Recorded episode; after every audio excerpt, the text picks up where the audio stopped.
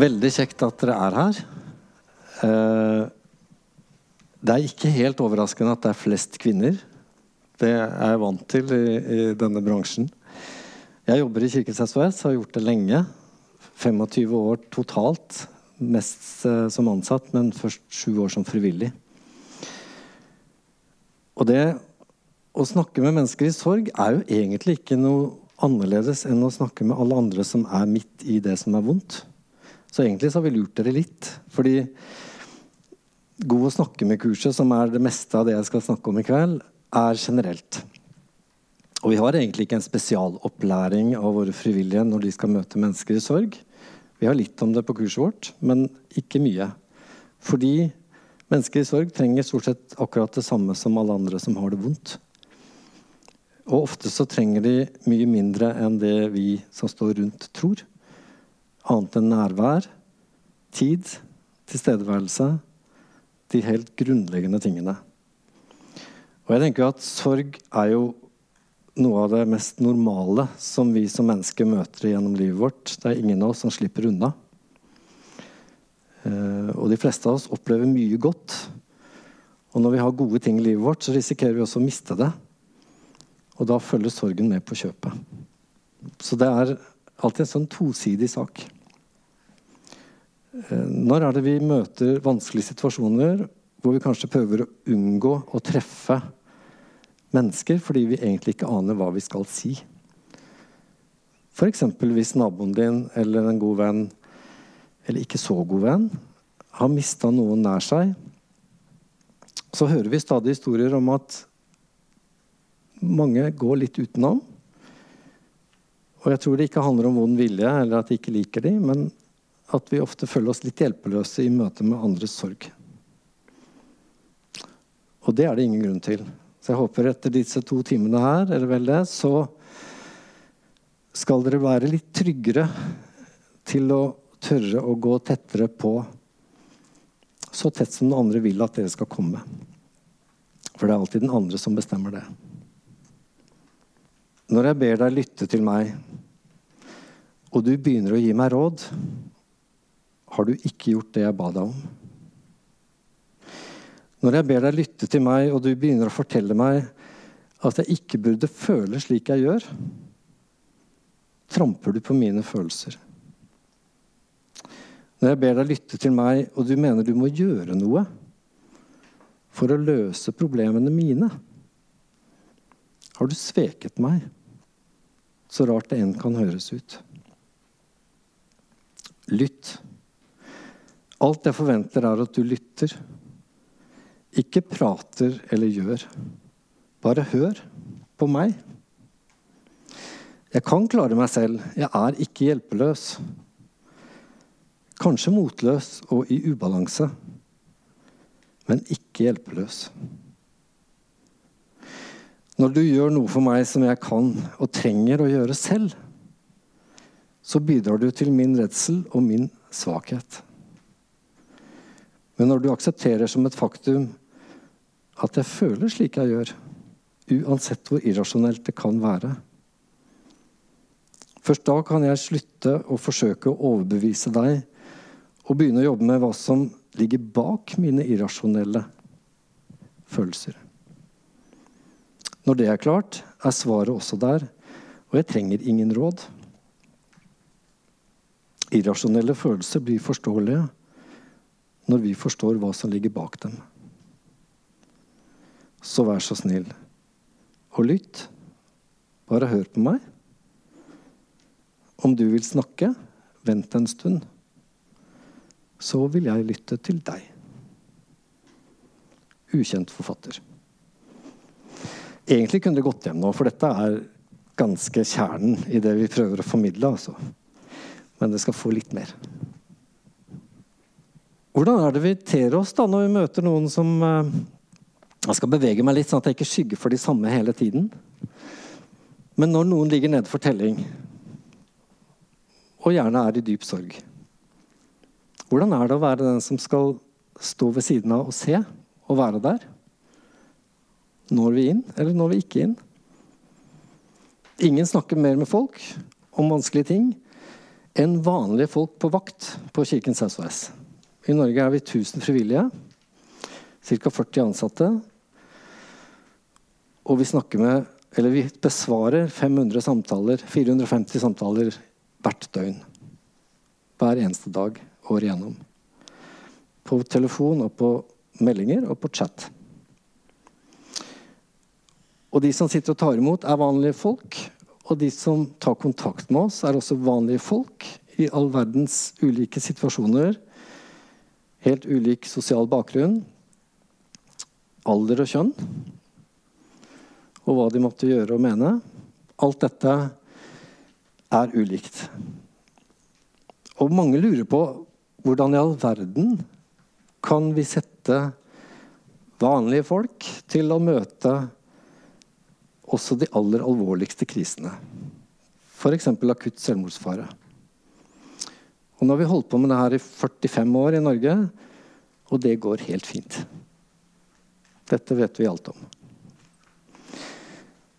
Så dette kurset er faktisk basert på at vi spurte for en del år siden, det begynner å bli noen år, våre frivillige hva syns dere er viktigst når dere snakker med folk. Hva syns dere er med å skape gode samtaler om vanskelige ting? Og så ble dette foredla og kokt ned til ti bud, eller ti samtaletips. Og dette er jo ikke noe nytt, dette vet dere allerede. Men vi skal se litt med lupe på noen av de tingene. For én ting er å vite det, en annen ting er å gjøre det. Og vi er jo drilla til å løse problemer fra vi er så store. Og så kommer vi og sier at kanskje skal ikke du løse noe særlig i det hele tatt. Det er kanskje ikke løsningen som er det viktigste. Så derfor skal vi se litt på dette. Han karen her Chad Wara, han var prest i London på 50-tallet. Han leste i avisen i London at hver dag så var det tre mennesker som tok livet sitt. Bare i London by.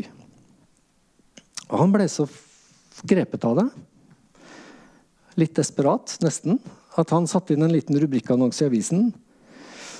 Før du tar livet ditt, ring meg på Mansion House nummer 9000. Det er en ganske spesiell liten Rubik-annonse. Og så opplevde han to ting. Siden han var prest, så hadde han kontor. På dette kontoret hadde han til og med et forværelse hvor det satt en kjempehyggelig dame. Sekretæren hans. Og det kom mye folk som hadde selvmordstanker, og som ville snakke med han. Og det var så mange at, eh, at hun, sekretæren måtte servere kaffe og prate med dem. Og så opplevde han, han, at mange av de som kom, de gikk igjen uten å ha snakket med Chadwara. Fordi de hadde fått det de trengte gjennom å snakke med denne hyggelige damen på forværelset over denne kaffekoppen. Og da skjønte jo Chadwara at du trengte verken være prest eller noe annet for å møte mennesker i alvorlig krise. Det klarer mange. Og det andre han opplevde, var jo at det meldte seg masse folk som spurte kan jeg gjøre noe. Og det ble starten på Samaritans, som er Storbritannias krisetjeneste. Som er kjempestore. For 45 år siden så ble dette henta til Norge. Først Oslo, og så spredte det seg utover. Så vi er i dag på, på ca. 22 forskjellige steder har vi vaktrom med elleve bemanna sentre. Og hele tiden så er det basert på at de som gjør den viktige jobben her, det er de frivillige som sitter på eh, telefon og chat og meldinger. Som får et kurs på ca. 40 timer som alle må ha. Om det er psykologiprofessor eller prest eller uføretrygda, hva som helst. Alle skal ha samme kurset. For det handler om rollen som vi skal ha i møte med andre. Visjonen til Kirkens SOS er uhyre enkel. Vi skal gi tid til, ha tro på og fremme håp for mennesker i følelsesmessig krise. Men det er kanskje ikke så lett likevel. da. Så hvordan prøver vi på det? Det skal vi snakke om. Vi må se litt på sorg. Dette er en del av sorgmåneden. Og det er derfor mange av dere er her. Jeg prøvde å se litt på definisjoner. Sorg, de reaksjoner vi har når vi mister noe eller noen som er kjært for oss. Det er én mulig definisjon. Noen sier at sorg er kjærlighetens bakside. Og så gikk jeg til Store norske leksikon. Sorg er den normale psykologiske reaksjonen på tap, primært av en person som har stått en følelsesmessig nær. Utviklingen av sorg over tid kalles sorgprosess.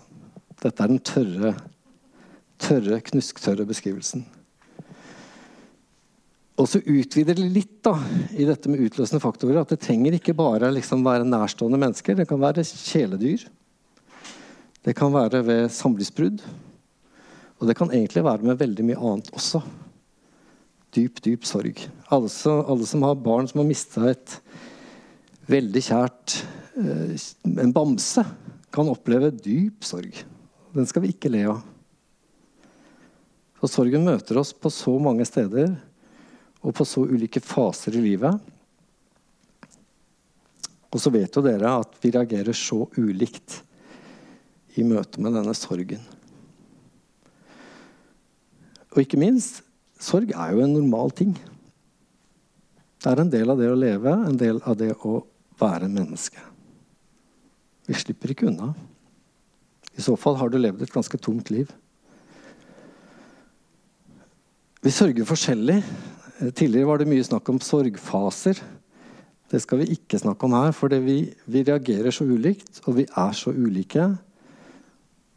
Og hvis noen har vært i en søskenflokk eller har en barneflokk som har opplevd stor sorg, så ser vi ofte veldig ulike reaksjoner. Dette skal vi ikke gå inn i i dag. Det er et tema for seg. Men et viktig spørsmål som dere kan reflektere bitte litt over, det er når er det denne sorgen er lett å dele med andre? Når er det dere synes at dette er det lett å snakke om? Og der er vi også ulike. Jeg kan fortelle en liten ting fra mitt liv. Jeg mista moren min da hun var 60 og jeg var 20. Jeg hadde en litt voksen mor. Eh, da var jeg student. Og da var jeg så i denne sorgen at en av mine beste venner fikk jeg fordi jeg sto i kantinekøen. Og så var det en som så litt hyggelig på meg, og så begynte jeg å snakke med henne. Og siden har vi vært venner. Det var min, jeg, trengte, jeg hadde bare så utrolig behov for å si det. Hun tok imot. Hun ble ikke skremt. Og vi ble venner. Og jeg er fadder til sønnen hennes. Sånn vi, det var lett for meg å dele, men noen bærer dette veldig alene. Og når er den vanskelig å dele? Hvorfor ringer såpass mange mennesker f.eks. til en krisetjeneste som Kirkens SOS? Fordi de ikke vil belaste sine venner, sin familie, sine kolleger med det de bærer på. Veldig mye som vi hører hos oss, er jo at mennesker er livredd for å slite ut, eller at de som de snakker med vanligvis, skal gå lei. Og hvorfor er det sånn? Hvis dette er kanskje noe av det mest normale og viktige i livet vårt. At det å møte sorg, det er en del av det å, å leve.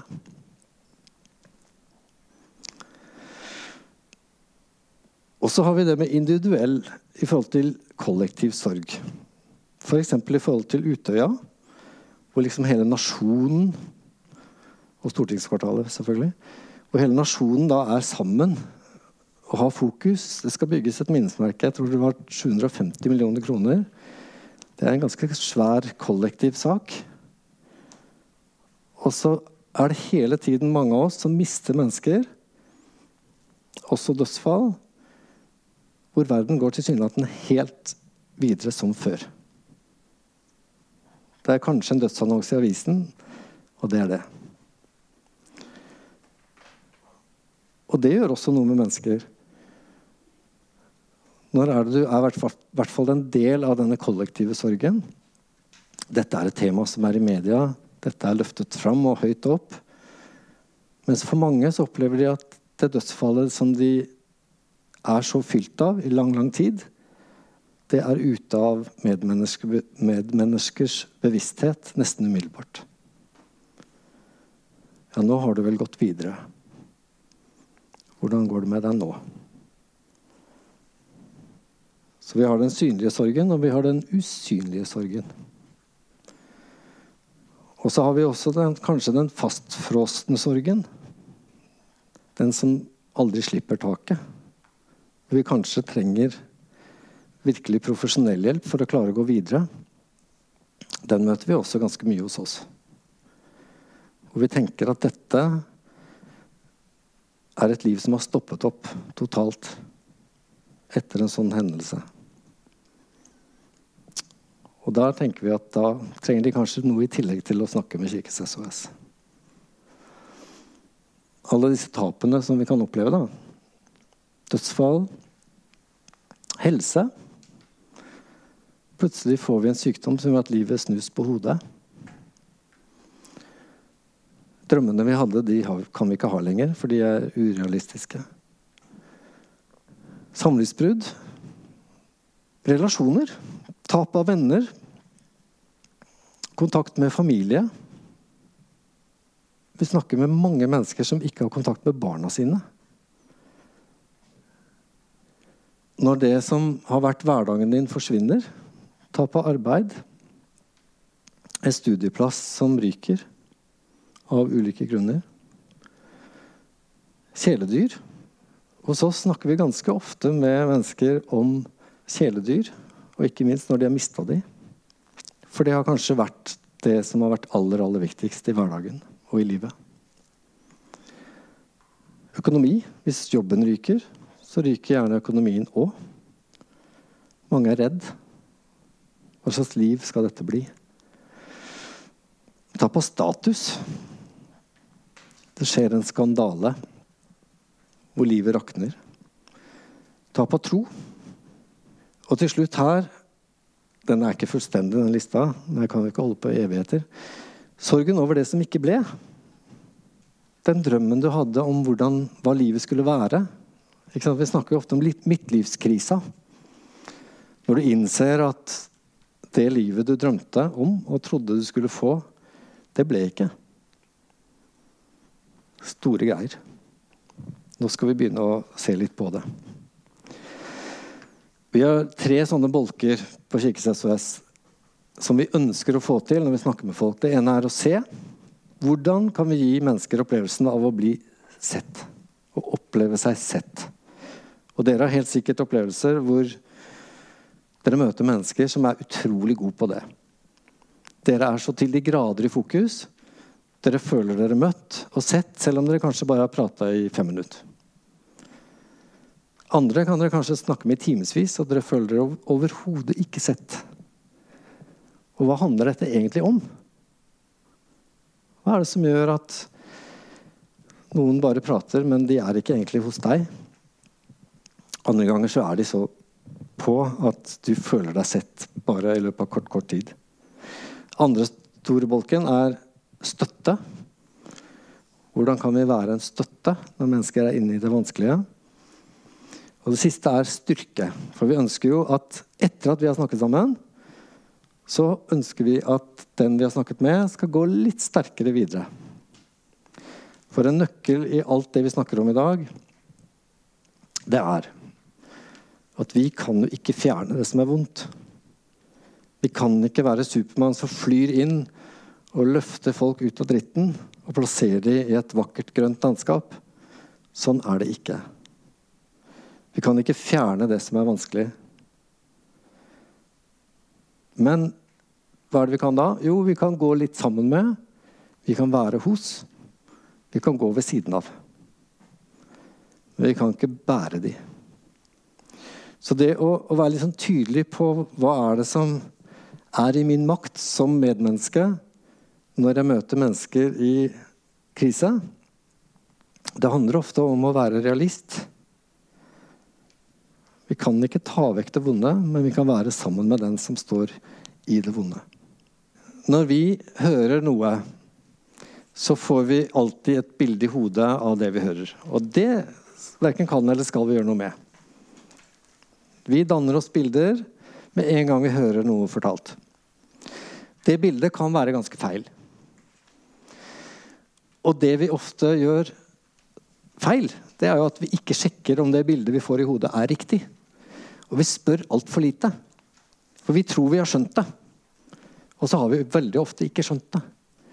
Så en setning som de ikke får lov å bruke på Kirkens SOS, det er Jeg vet akkurat hvordan du har det. For det vet du ikke. Det er ingen av oss som vet hvordan den andre har det. Vi kan, hvis vi er flinke, skjønne en del, men det er det beste vi kan håpe på. Så vi skal være ganske ydmyke i forhold til å tro at vi har skjønt det.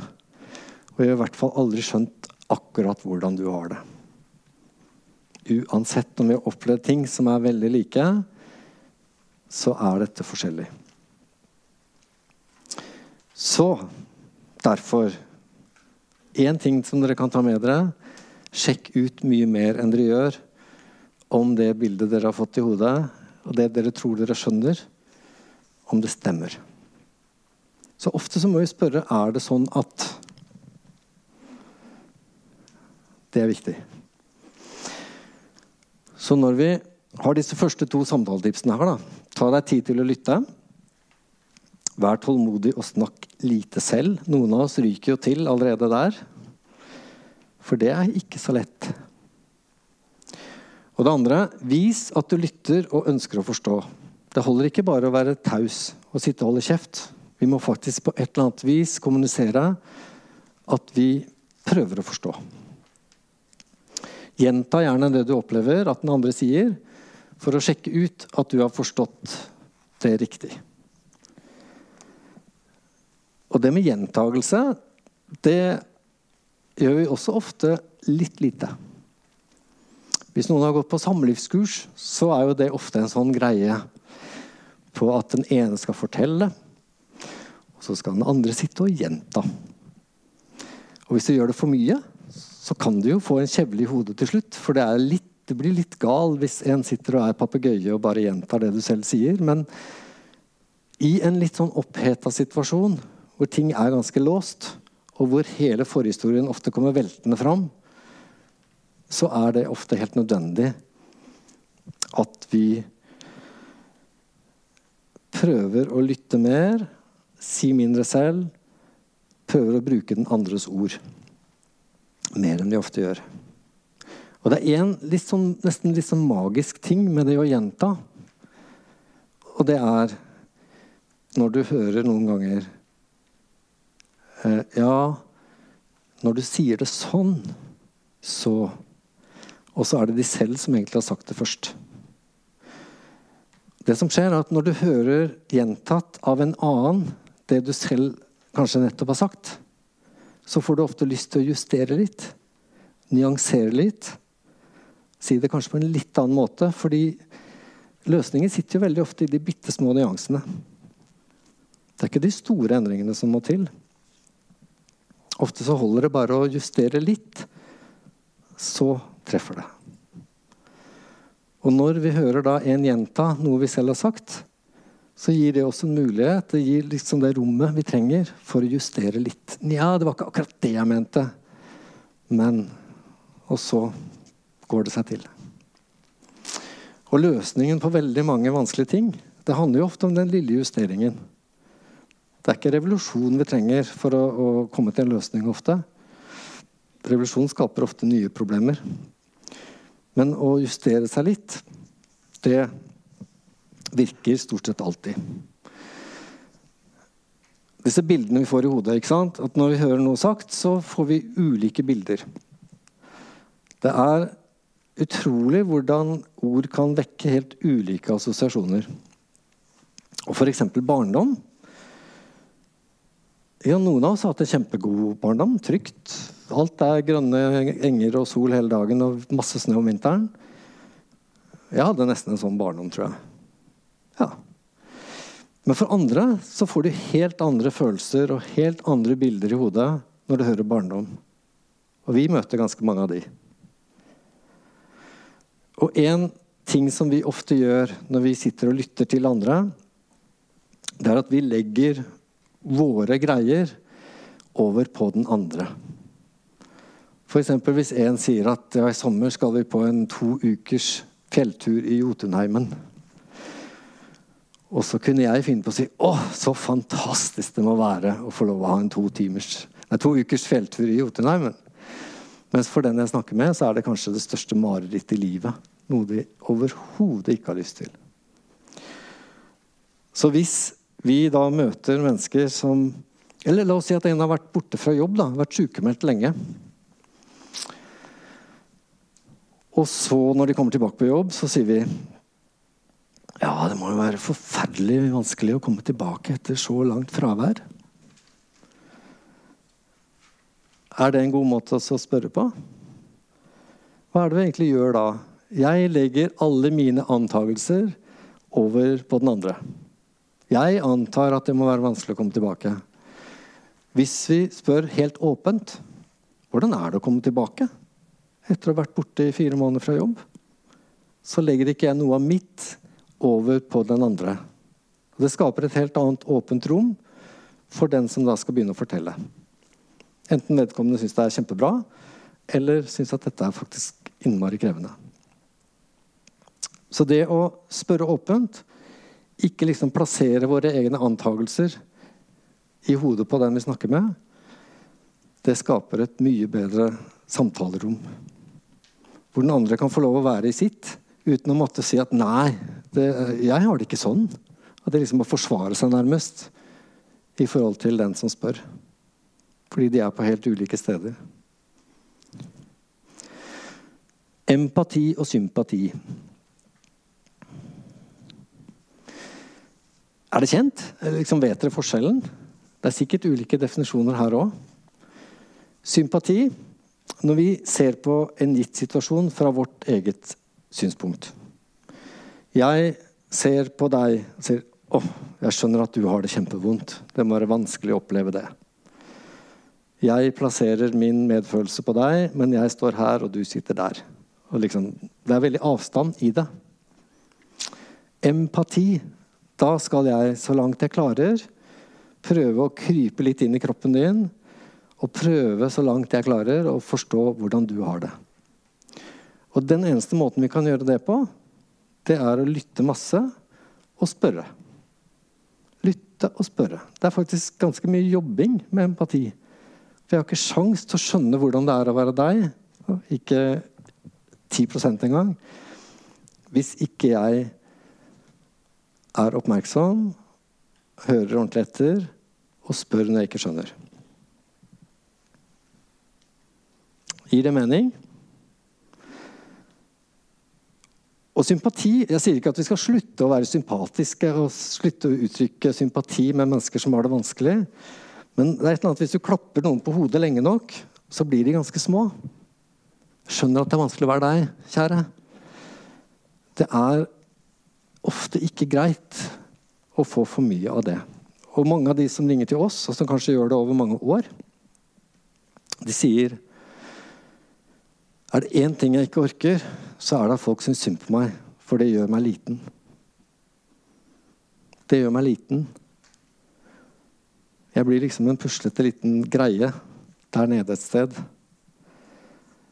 Så vi skal ikke slutte, skal ikke slutte å være, uttrykke sympati. Vi skal gjøre det fortsatt. Men vær litt bevisst på når vi gjør det, og hvor mye vi gjør det. Mens det å liksom lytte og spørre seg inn og prøve å forstå så langt jeg makter hvordan det er å være deg. Det er utrolig deilig, og det vet vi sikkert alle. Hvis dere møter mennesker som virkelig er der, og som prøver å lytte seg inn, som prøver å forstå litt av hvordan jeg har det akkurat nå. Jeg pleier ofte å si at jo verre krise du er i, jo enklere er behovene våre. Det er kanskje ikke ordet i det hele tatt. Hvis du virkelig har det forferdelig, så kanskje det eneste du trenger akkurat da, det er at en orker å sette seg ned og være litt sammen med deg. Trenger kanskje ikke si noen ting. Så denne flinkhetsgreia som vi blir veldig utfordra på ellers i livet vårt, den kan vi egentlig parkere ganske rolig. Det er ikke flinkheten vår som er etterspurt. Det er stort sett at de tåler oss. Eller jeg tåler de. Og at du orker å være der. Litt sammen med meg. Det handler hele tiden om at skal du være et medmenneske for en som har det vanskelig, så skal du krype ned i hullet og sette deg ved siden av og være der. Men sympatien er alltid litt sånn på avstand og prøver hele tiden å, å rasjonalisere og forklare. Det, det, er en sånn type meningsløs trøst som er helt uh, forferdelig. At, ja, jentungen min sliter sånn på skolen. Ja, ja, men du har i hvert fall en guttunge som bare har toppkarakterer. Prøver hele tiden å slå i hjel egentlig det den andre snakker om, og pynte på det. Silver lining, som er i det eksempelet her. Og det, det er uh, Fungerer særdeles dårlig. Og Samtidig så er jo det en refleks som vi ofte har. For vi vil jo vel, og vi ønsker jo at vi skal trekke de ut i lyset og få de ut i sola hvis de sitter og har det vondt. Men det fungerer ofte veldig, veldig dårlig. Så vi skal stort sett krype ned, være hos, og så skjer det ting når vi orker å være der. Det å tåle å være litt i mørket sammen med en som har det vondt, det gjør ofte noe. Og ofte så er det den som har det vondt, som kanskje etter hvert klarer å gjenfinne en del bedre ting i livet også. Men det er ikke noe vi skal starte å slå den andre i hodet med. At hør nå her, du har jo så mye ressurser. Du er jo så flink. Du får jo til ting. Hallo, dette går fint. Det er ikke det, den andre trenger. Men det er veldig uvant for oss, fordi som sagt, fra vi er bitte små, så er vi utrolig trent på at vi skal fikse, og vi skal finne løsning. Og vi skal komme med konkret hjelp her og nå. Helst quick fix, hvis mulig. Det fungerer ofte veldig dårlig. Så det å akseptere at ofte så sitter vi ikke med noen løsning. Ofte så aner vi egentlig ikke hva vi skal si. Og det, det er en ganske sånn god ting. Prøv å lære dere selv at, å si at det er greit å, å ikke vite hva du skal si. Det er greit at du ikke alltid vet hva du skal si. Det er greit å si til et menneske i krise at 'nå er jeg faktisk ganske ordløs'. Men jeg er her, og jeg vil være sammen med deg, og jeg vil høre på deg. Og det, vi, det må vi trene på, for det er vi veldig utrente på. Fordi vi er jo så flinke. Vi vil jo løse ting. Det vi har gjort da, på denne C-sekvensen, er at vi prøver å se verden med den andres øyne. Empati. Det er ganske mye jobbing. Lytter, spørre. Vi skal se, begynne litt på den andre delen om det å støtte. Dette er jo som sagt noe som eh, mange av oss ryker til på. La den andre få snakke. Ikke bruk samtalen til å komme med egne historier eller for mye følelser. I hvert fall, Jeg sier ikke at det skal være 100% men det er den andre som skal ha fokus i anerkjennelse og støtte. Ros den andre for å ta, opp, ta kontakt. Det glemmer vi ofte. Hvis en kommer til dere og bruker dere til å betro seg om noe som er vanskelig, så kan du gjerne si det. Så flott at du kom til meg. Det setter jeg pris på. Dette skal, ta, dette skal jeg ta godt vare på. Det glemmer vi ofte. Det krever ofte mot å klare å sette ord på ting. Selv til oss som kanskje er den aller laveste terskelen. Helt anonymt. Vi har ikke nummervisning på telefonen. Vi har anonyme meldinger og chat. Vi sier ofte også 'Så flott at du klarer å sette ord på dette til meg'. Det glemmer vi ofte i mange sammenhenger. Og så er det det med å rydde. Når livet er vanskelig, så er det kaos. Det er det smått og stort og rubbel og bit. Nå jeg, over, jeg skal hoppe over en historie som handler om å overta den andres historie og avbryte. Er det Hvor mange er det som har avbrutt folk av dere? Er det noe dere gjør? Ja, det er et par her, ser jeg. Det er litt flere enn to. Er det noen som har blitt avbrutt, da? Ja, jeg tror det er omtrent, omtrent like mange. Det, noen av oss er jo som pingpongballer i vann. at Uansett hvor mange ganger de prøver å trykke oss ned, så bare spretter vi opp igjen. Vi gir oss aldri. Vi holder aldri kjeft. Jeg er en av de. Dessverre. Men så har vi noen som Hvis de opplever å bli avbrutt, så blir det stille.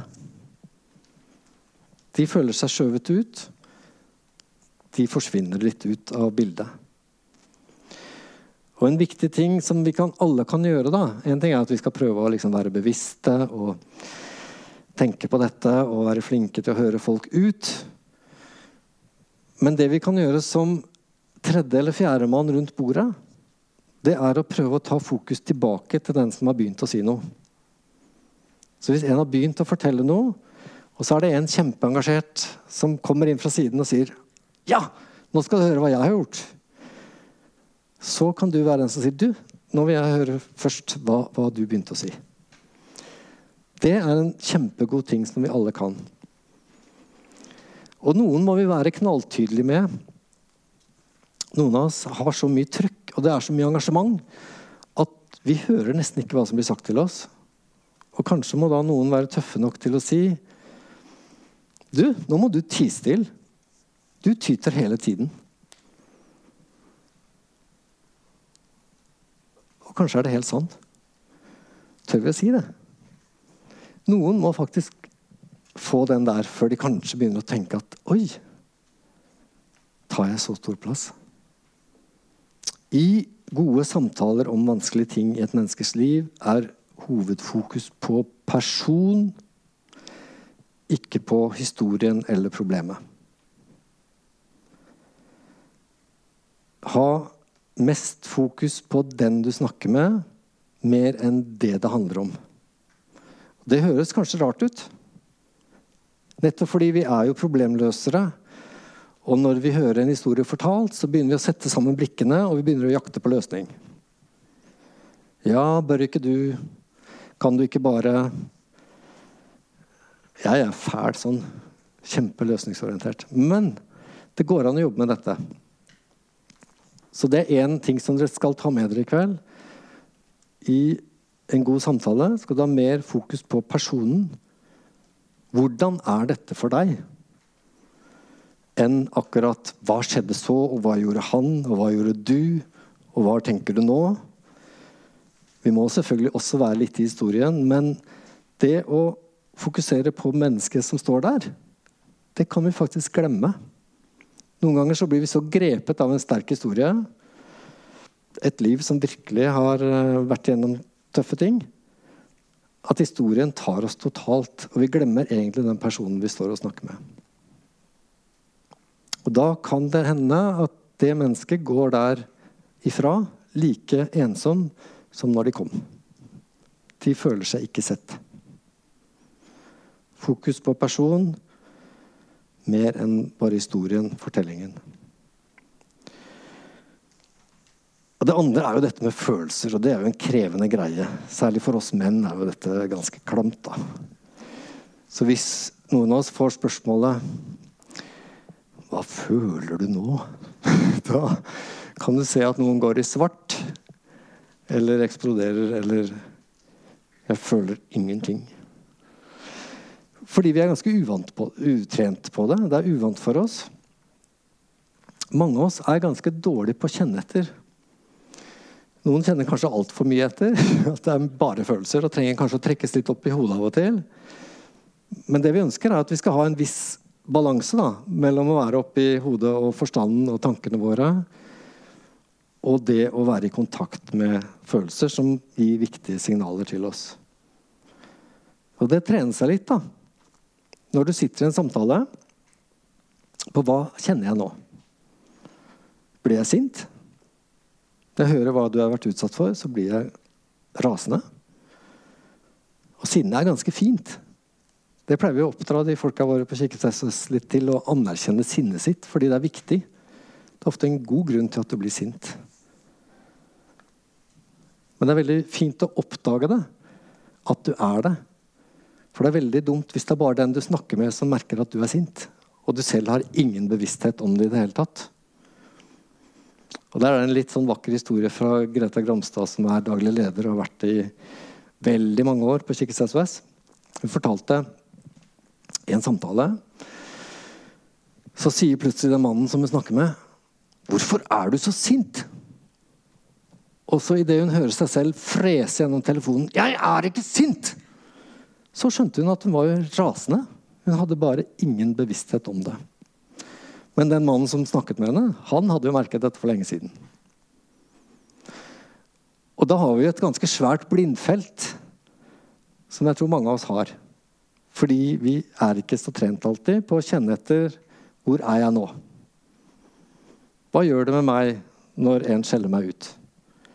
Eller jeg møter en som er i en så dyp depresjon at jeg bare kjenner det sorte, sorte hullet der du er langt, langt nede, og du kjenner det suget. Så det å også igjen underveis i samtalen stoppe opp litt, trene seg på, sjekke ut litt. Hvor er jeg hen nå? Det er kjempenyttig, ikke bare for meg, men også for den som jeg snakker med. For hvis jeg er i ferd med å bli sint, så bør jeg kanskje si det før jeg har blitt skikkelig sint at hvis du fortsetter å snakke til meg på den måten her, så klarer jeg ikke å snakke med deg. Da må vi avslutte. Før du liksom eksploderer og sier noe som du absolutt ikke bør si.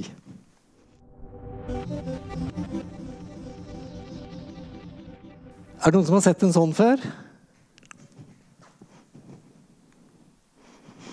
Det er en tørketrommel. Det kunne være en vaskemaskin òg. Kanskje det er en kombi. En god samtale, den er Dette er nesten som en lignelse fra Bibelen. En god samtale er lik en vaskemaskin med fargede klær som snurrer rundt og rundt og rundt. Har du noen gang sittet foran en vaskemaskin eller tørketrommel og sett inn når det snurrer rundt med fargede klær? Det er veldig fint. Det anbefales.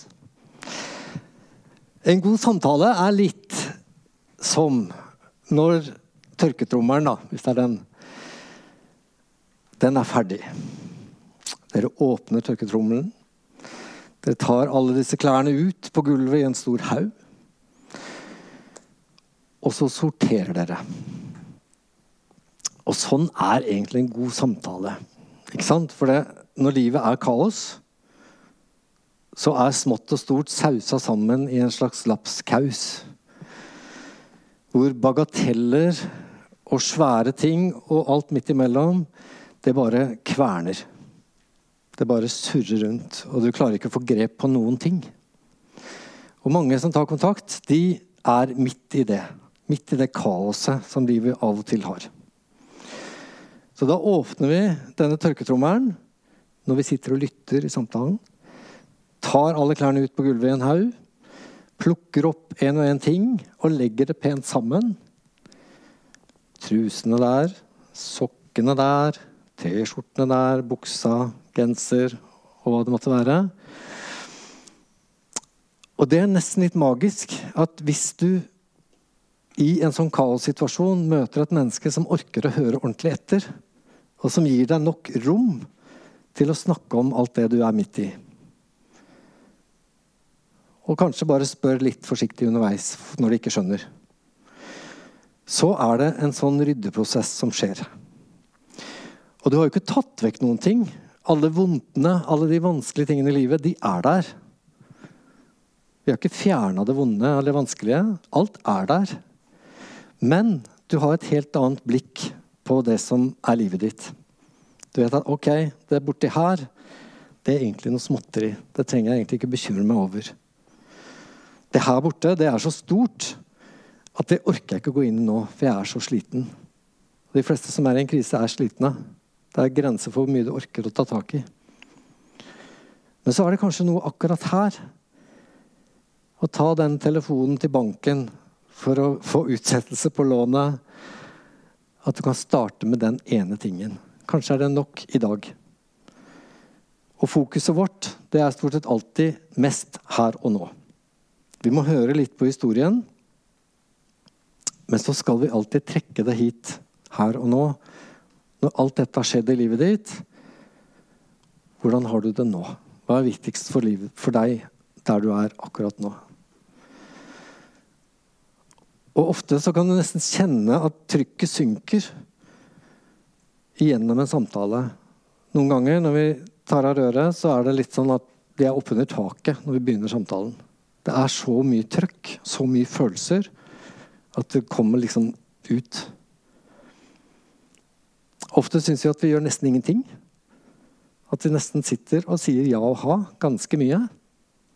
Spør når vi ikke skjønner helt.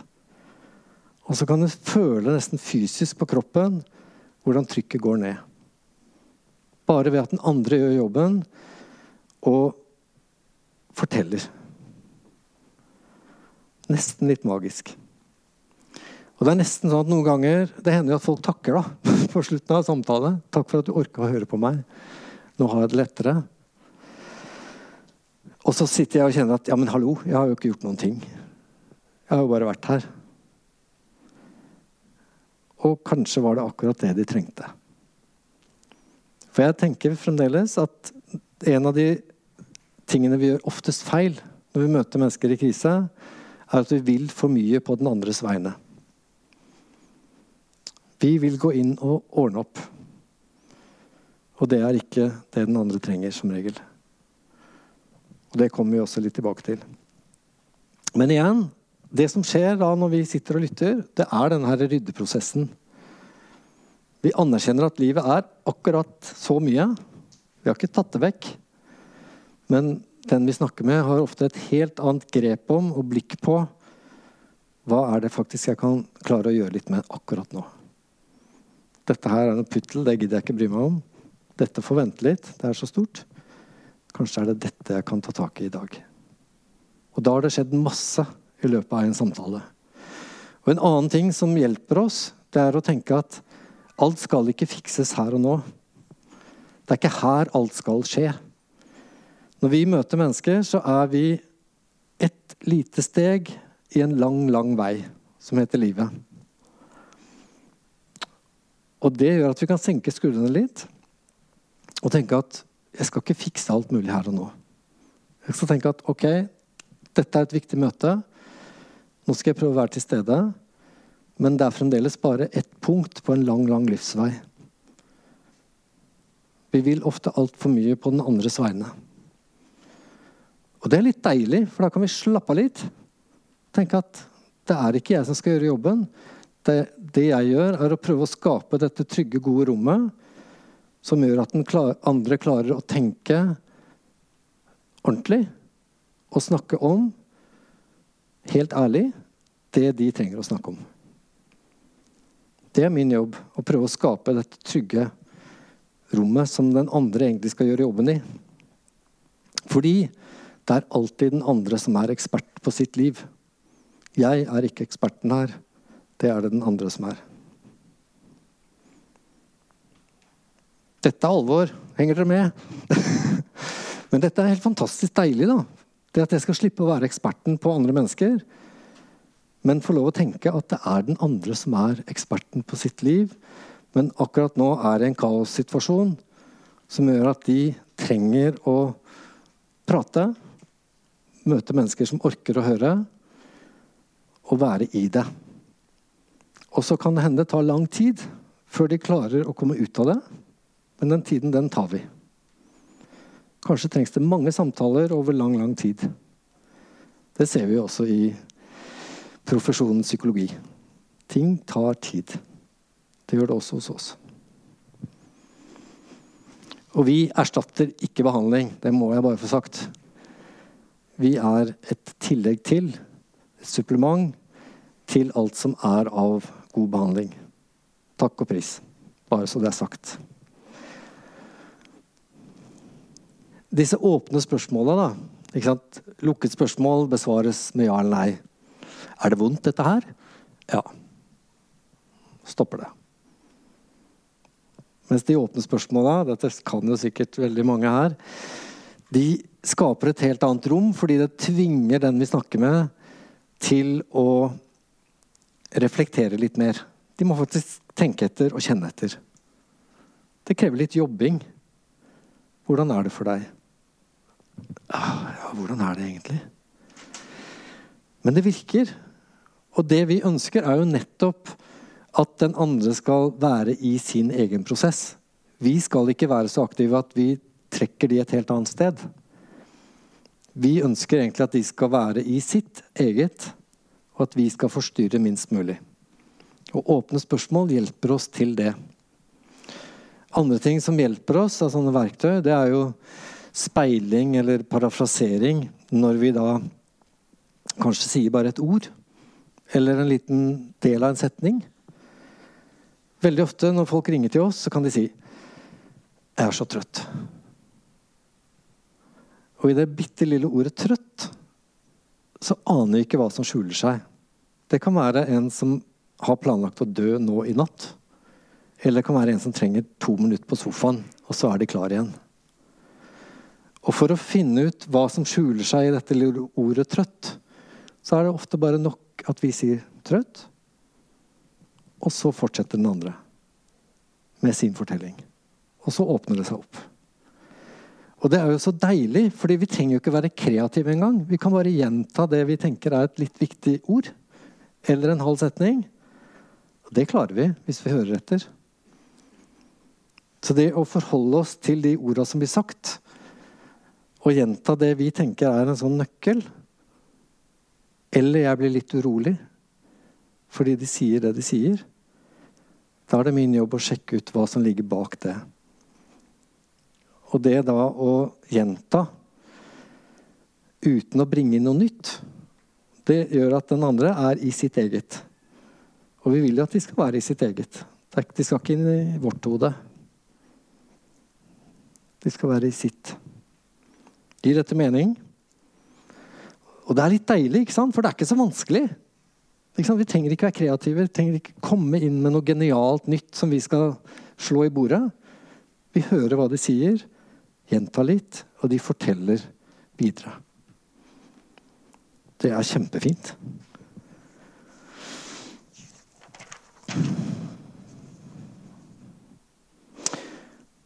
Og så var det de følelsene, da, som jeg ikke skal gå så mye videre på. Men i sorgen også er det jo så mange følelser. Ikke minst sinne. Masse, masse sinne. Enten folk har brutt ut av samlivet, eller de er døde, så kan det være masse sinne. Du døde fra meg, din dritt. Hvordan kunne du forlate meg her? Vi møter masse sinne også i sorgen. Og det er helt greit, for det er lett å forstå. Og så ligger det alltid flere lag med følelser under. Så når vi gir dette rommet hvor de får lov å være i det de er i, så utvider alltid registeret seg. Da kommer det alltid nyanser inn. Kan du si litt mer om det at du er så sint? Og så utvider rommet seg. Og det er lett. Det er ikke vanskelig. Dette klarer vi. Det er ikke flinkheten vår. Det vi har holdt på med nå, er egentlig det å støtte. Å skape dette trygge rommet som gjør at den andre klarer å snakke. Vi har snakka litt om det med følelser. Ikke glem de. Og så det å rydde. Og som ofte skjer helt automatisk når vi lytter og når vi spør. Den tredje bolken handler om å styrke. Det å gå videre etter at vi er ferdig med samtalen vår. Råd. Noen av oss er jo kjempeflinke til å gi råd, og vi er utrolig glad i det. Men det skal vi jo være veldig varsomme med. Og innspill det skjer som regel i form av spørsmål. Kunne det vært noe for deg å prikk, prikk, prikk? Det skjer nesten alltid i form av spørsmål. For når vi gir innspill, så er vi tydelige på at det er alltid den andre som velger om dette er noe som de tenker er aktuelt. Istedenfor at du sier ja, det du trenger nå, eller du bør jo da går vi for langt, som regel. Hvis det er noen pedagoger her, og det er det kanskje, så vet vi jo at det å, å gjøre oppdagelse selv, det er mye bedre læring enn å bli fortalt hvordan du skal gjøre ting. Og når vi spør, så er det den andre som kan tenke litt og kjenne litt etter før de går videre. Let etter lyspunktene. Gi styrke ved å minne om det den andre gjør bra og lykkes med. Det er en grunn til at det kommer litt seint. For vi skal aldri starte her. Det er veldig fristende av og til når vi møter noen som har det vanskelig, at vi skal begynne å pynte på bildet, lete etter lyspunktene. Men vi starter alltid med det som er vanskelig. Og vi er i dette mørket sammen med den andre så lenge det trengs omtrent. i hvert fall en god stund. Men så kan det hende at de selv begynner å oppdage at det er jo en grunn til at jeg er her enda. Eller vi kan spørre litt forsiktig hva er det som har gjort at du har holdt ut til nå? Hva er det som har holdt deg gående gjennom dette som du nå er igjennom? Da hjelper vi den andre til å finne det selv, istedenfor at vi skal prøve å slå noe i hodet på dem, hvor vi sier Hør nå her. Du har jo så mange grunner til å ha det bra, så du bør jo ikke føle det sånn som du gjør. Og så er det det med stillhet. Stillheten kan være helt fantastisk hvis dere har opplevd god stillhet sammen med andre, så er det helt fantastisk. Og den kan være ganske klam. Og hva er forskjellen egentlig på den gode stillheten og den litt sånn klamme stillheten hvor du bare kjenner at Åh, dette er ikke bra. Ofte så må det sies litt tydelig. Stillheten må trygges litt. Så i min sammenheng, hvis det på telefonen da, sies Eller jeg sitter og tenker da, på det den andre har sagt, og så blir jeg litt stille og spør den andre er du der. Ja, jeg sitter og tenker på det du har fortalt. Å ja. Mer skal det ofte ikke til. Så er den stillheten helt fin. De vet at når det er stille, så er det fordi jeg faktisk sitter og tenker etter på det som vi snakker om. Og det er en kjempeviktig forskjell. Så si gjerne det. Det er helt greit hvis jeg er stille. Fordi jeg er utrolig berørt av det du forteller. I forhold til det å ikke gi råd, da. Det er jo litt som barneoppdragelse, eller spedbarn når de skal begynne å lære å gå. Hvis vi bare bærer de hele tiden, så lærer de aldri å gå. De må faktisk gå sjøl. Vi må støtte de litt. Men de må ramle, og de gjør det tusen ganger eller mer. Og så etter hvert så klarer de å gå. Og det å da gi støtte istedenfor å overta hele problemet, det er et hav av forskjell. Dette er en kjempedårlig illustrasjon. Dette er egentlig en sånn, eh, sånn, eh, brev, sånn dørsprekk. Sånn som de hadde før. I døra. inn. Og hvis du kikka gjennom den, da, så så du gjerne en gang og så vet du at Der var sikkert badet, og der var kanskje kjøkkenet, og der var kanskje stua, og så var det soverommet inn der. Og sånn er en samtale ofte. Vi får et sånt lite brevsprekkperspektiv på et menneskes liv. Og selv om vi har snakka sammen lenge, selv om vi har snakket sammen tre kvarter eller av og til mer, så er det bare så mye vi vet om det mennesket. Og ikke minst, det er de som har valgt hva de vil fortelle oss. Og så vet vi at det menneskelivet er uendelig mye større. Det er ufattelig mye vi ikke vet om den vi snakker med, om de menneskene som er rundt, om ressursene som er rundt. Og hvis vi skal gi råd basert på det lille vi vet, så gir vi stort sett veldig dårlige råd. Derfor så kikker vi litt på det at rådgivning skal vi være uhyre varsomme med, bortsett fra i en del konkrete situasjoner. Men hvis en ringer og beskriver kjæresten som verdens største drittsekk, og spør etterpå syns du jeg skal gå fra han, så ville jeg kanskje ikke svart umiddelbart på det. Da ville jeg sagt at jeg vet faktisk altfor lite. Jeg har ikke møtt han engang. Men jeg kan kanskje spørre men hva er det som gjør at du er der fremdeles? og gi litt fokus på det. Og så kan jeg også spørre hvis du nå velger å gå ut, hvordan vil livet ditt bli da? Og heller skape de rommene hvor vi liksom hjelper den andre til å kjenne litt etter begge deler. Og så er det heldigvis den andre som skal velge, og ikke meg. Takk og lov. Det er jeg glad for. Men det gjelder også i veldig mange andre sammenhenger at når, når noen spør om råd, så skal vi stort sett være varsomme med å svare. Så jeg spør nesten alltid tilbake. Først så trenger jeg å høre hva du selv tenker. Og en veldig god bieffekt av å spørre sånn, det er at mange som er i en krise, har en selvtillit på minus 100. De har ikke troa på seg sjøl i det hele tatt. De tror de har mislykkes i livet sitt. De er en dritt. De får ikke til noen ting. Når jeg da spør, eller sier Jeg kan ikke svare på det spørsmålet ditt, men jeg trenger å høre hva du selv tenker.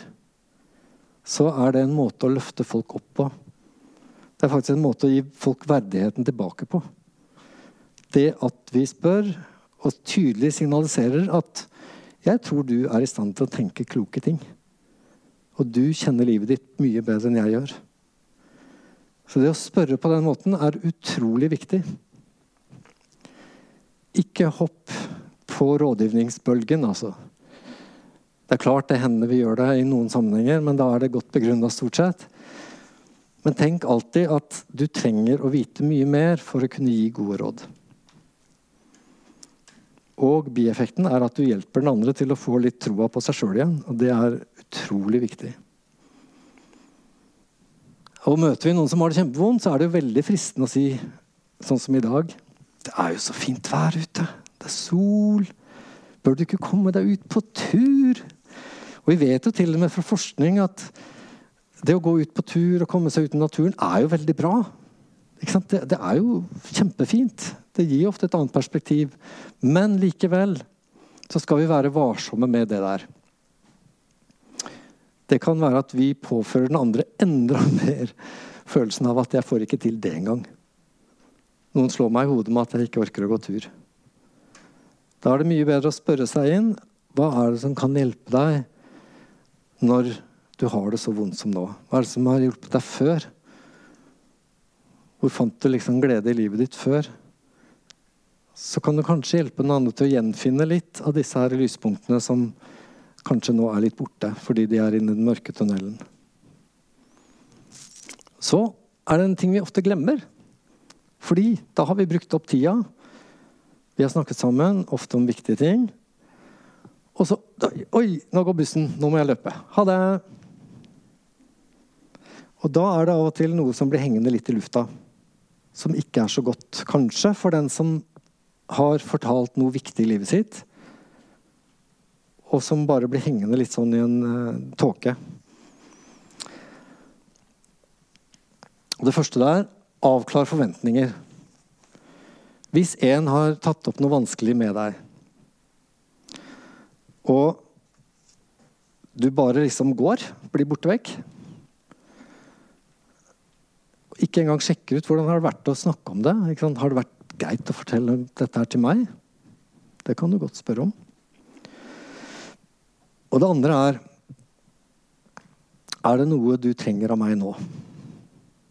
Skal vi møtes igjen? Skal vi snakke mer? Er det noe annet du trenger? Og så må jo du, hvis det kommer noe, selvfølgelig ta stilling til om det er noe du kan. Er det noe du kan og klarer? Det må du si fra om, men da har du i hvert fall fått det på bordet. At den andre hadde noen ønsker eller forventninger. Så spør. Nå må jeg løpe, men du Hva gjør vi nå? Er, skal vi snakkes igjen? Er det noe annet du trenger av meg? Og så må du ta stilling til om det er noe som er innafor ditt repertoar, som du kan. Men i hvert fall at det ikke blir hengende oppe i skyen. Og den siste der, det med hemmeligheter Det som skal bli mellom dere, må bli mellom dere. Og det burde være selvsagt og kanskje ikke nødvendig å si, men det er det. Ingenting er mer ubehagelig enn hvis du har fortalt noe ganske sensitivt og vanskelig til en venn. Og så blir du etterpå usikker på om det går videre f.eks. til denne vennens kjæreste. Fordi det tenkte jo den andre sikkert var helt naturlig. For dere kjenner jo hverandre.